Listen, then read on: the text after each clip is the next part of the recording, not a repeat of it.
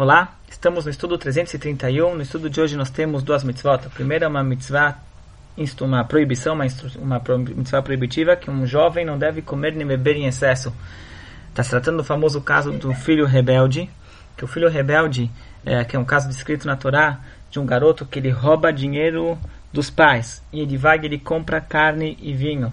Ele come essa carne esse vinho, ele come a carne mal passada e bebe esse vinho numa, na companhia de pessoas levianas. De acordo com Memônides, a idade é muito precisa, é, é, são poucos meses entre o garoto fazer 13 anos e até que ele se torna, torne maduro, de acordo com a que é quando cresce é, pelos determinadas partes do corpo.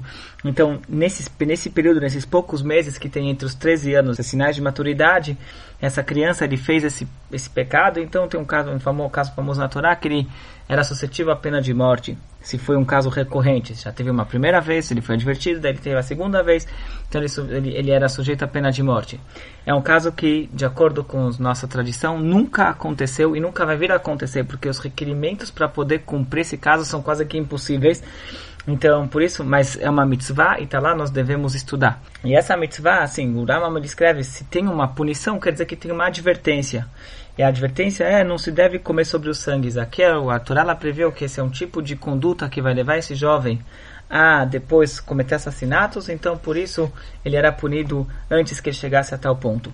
Depois nós temos mais uma mitzvah, que é a mitzvah que um Kohen deve se purificar para seus parentes. E na verdade, essa mitzvah não fala só do Kohen, é uma mitzvah que todos nós devemos nos enlutar quando falece um dos parentes. A mitzvah da Torá é o luto do primeiro dia. Os outros dias é uma obrigação dos sábios.